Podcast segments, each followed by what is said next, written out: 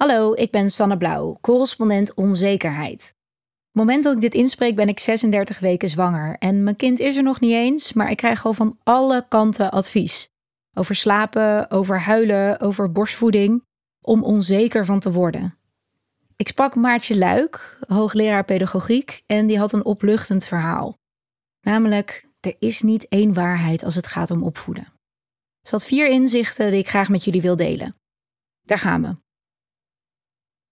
Kerstverse ouders zijn op zoek naar zekerheid.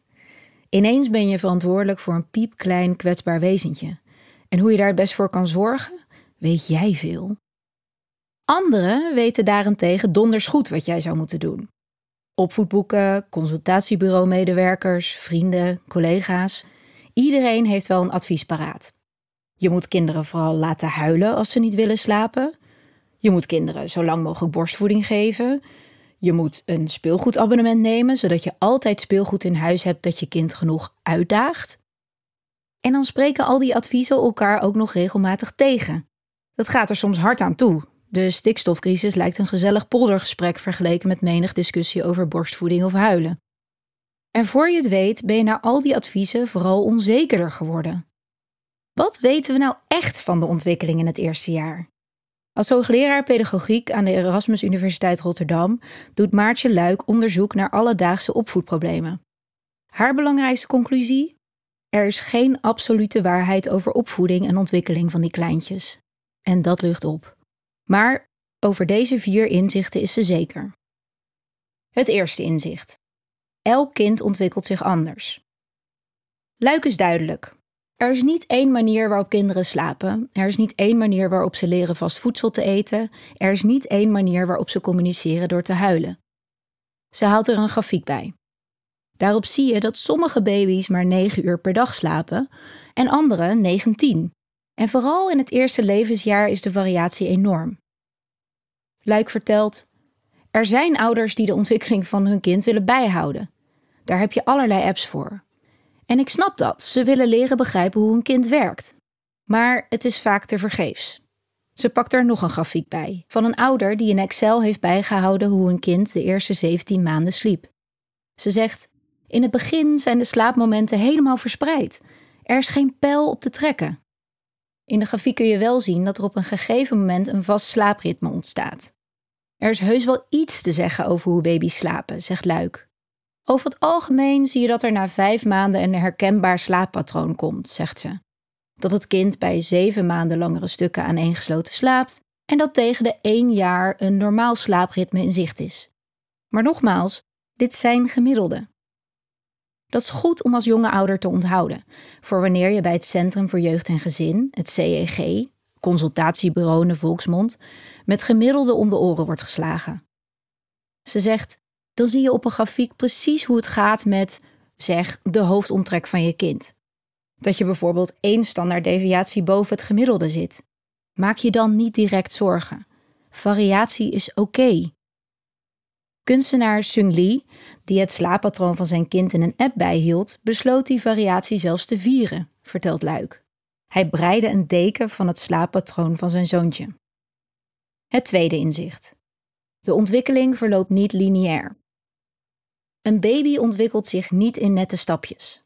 Luik vertelt: Het verloopt niet lineair. Je ziet horten en stoten. Je denkt bijvoorbeeld: wanneer kan mijn kind nou eens omrollen? En als je het eigenlijk al hebt opgegeven, is je kind toch ineens omgerold. Of je denkt: mijn kind gaat nooit doorslapen. En ineens lukt het. Soms is er duidelijk iets gebeurd, maar soms is er geen aanwijsbare reden voor waarom het kind opeens een stap zet. In de ouderschapshoek op Instagram gaat het veel over slaapregressies, zegt Luik. Het idee dat kinderen met slapen een stap terugzetten in hun ontwikkeling voordat ze een stap vooruit gaan. Ze zegt: Maar het is niet zo dat de ontwikkeling dan achteruit gaat. Zie het als een pauze in de fascinerend snelle ontwikkelingen die jonge kinderen doormaken. Het kan zeker voelen als een stap terug, als je kind bijvoorbeeld ineens weer vaker wakker wordt in de nacht. Maar misschien komt er wel een tand aan, of wordt hij ziek, of is er niks? Dat is normaal. Jij hebt zelf ook wel eens een slechte dag. Het derde inzicht. Er is niet één opvoedwaarheid. Als je veel opvoedboeken mag geloven, bestaat er een heilige graal voor het opvoeden. Neem deze populaire opvoedboeken uit de 20e eeuw. Volgens Feeding and Care of Baby van chirurg Truby King moeten baby's een strikte routine hebben en elke dag urenlang buiten zijn. Volgens The Common Sense Book of Baby and Childcare van kinderarts Benjamin Dr. Spock moet je als ouders geen regels stellen, maar je instinct volgen. En volgens de Continuum Concept van antropoloog Jean Liedloff moet je je kind constant bijdragen, net als inheemse stammen. Die ideeën hebben nog altijd invloed, maar Luik nuanceert de stelligheid van zulke adviezen. Onderzoek doen naar opvoeding is ingewikkeld, zegt ze. Het is lastig om een experiment op te zetten. Stel, jij doet samen met je kind mee aan het onderzoek. Dan kan ik moeilijk tegen je zeggen: Oké, jij zit in de helgroep, dus laat je kind maar huilen. Al zijn er heus wel interessante studies gedaan, zegt Luik. Bijvoorbeeld naar groepen ouders die zelf kiezen voor een bepaalde aanpak in het opvoeden. Sowieso, als de ontwikkeling van baby's zo verschillend verloopt, is het logisch dat ze verschillende dingen nodig hebben. Luik zegt: Ik zou het ook overzichtelijk vinden als er wetenschappelijk onderzoek was waaruit naar voren kwam: dit is het antwoord. Je moet baby's zo en zo lang laten huilen als ze niet willen slapen, of juist helemaal niet. En dan gaat het perfect. Maar dat is gewoon niet hoe baby's werken. Je moet de controle loslaten. Luister naar wat je gevoel zegt en kijk naar wat het kind nodig heeft. En niet alleen kinderen verschillen van elkaar, ook ouders zijn anders. Luik vertelt over de richtlijn Gezonde slaap- en slaapproblemen bij kinderen, die gebruikt wordt door het Centrum voor Jeugd en Gezin. Ze zegt: In die richtlijn is vooral aandacht voor de aanpak laat je kind even een poosje huilen. En dat kan zeker werken, maar dat is echt niet de enige oplossing voor huilen en slaapproblemen. Je kunt ook zeggen: dat voelt voor mij niet goed. Ik ga op een matrasje bij mijn kind in de kamer liggen of ik neem mijn kind bij mij in bed. Op een veilige manier natuurlijk. Dat is geen advies dat je van het Centrum voor Jeugd en Gezin gaat krijgen. In veel andere landen vinden ze het juist raar dat wij een baby een eigen kamer en een eigen bed geven. Dus laten we ouders ook vragen: wat past bij jou? Het vierde en het laatste inzicht. Goed genoeg is beter dan perfect. Je hoort steeds vaker over ouders die een burn-out krijgen van het opvoeden. Ze zijn emotioneel of fysiek uitgeput, voelen afstand tot hun kind en halen geen voldoening meer uit het ouderschap.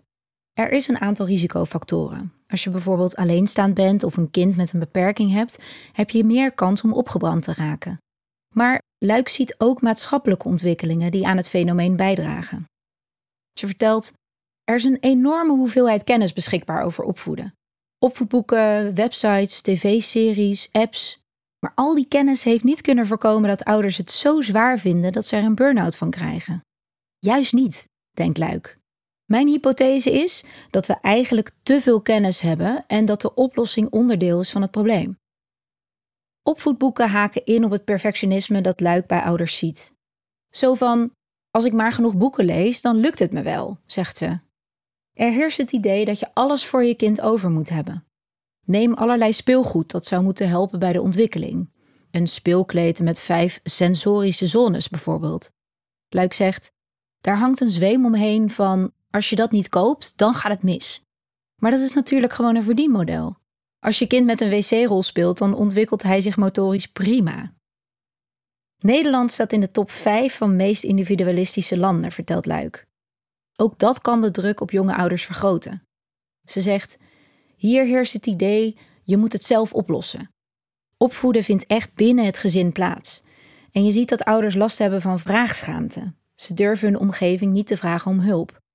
Je ziet dat ouders sneller professionele hulp inschakelen, zegt ze.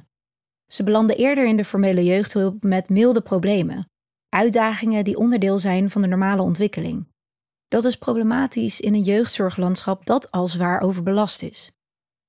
Die twee zaken, perfectionisme en individualisme, vormen volgens Luik een giftige mix.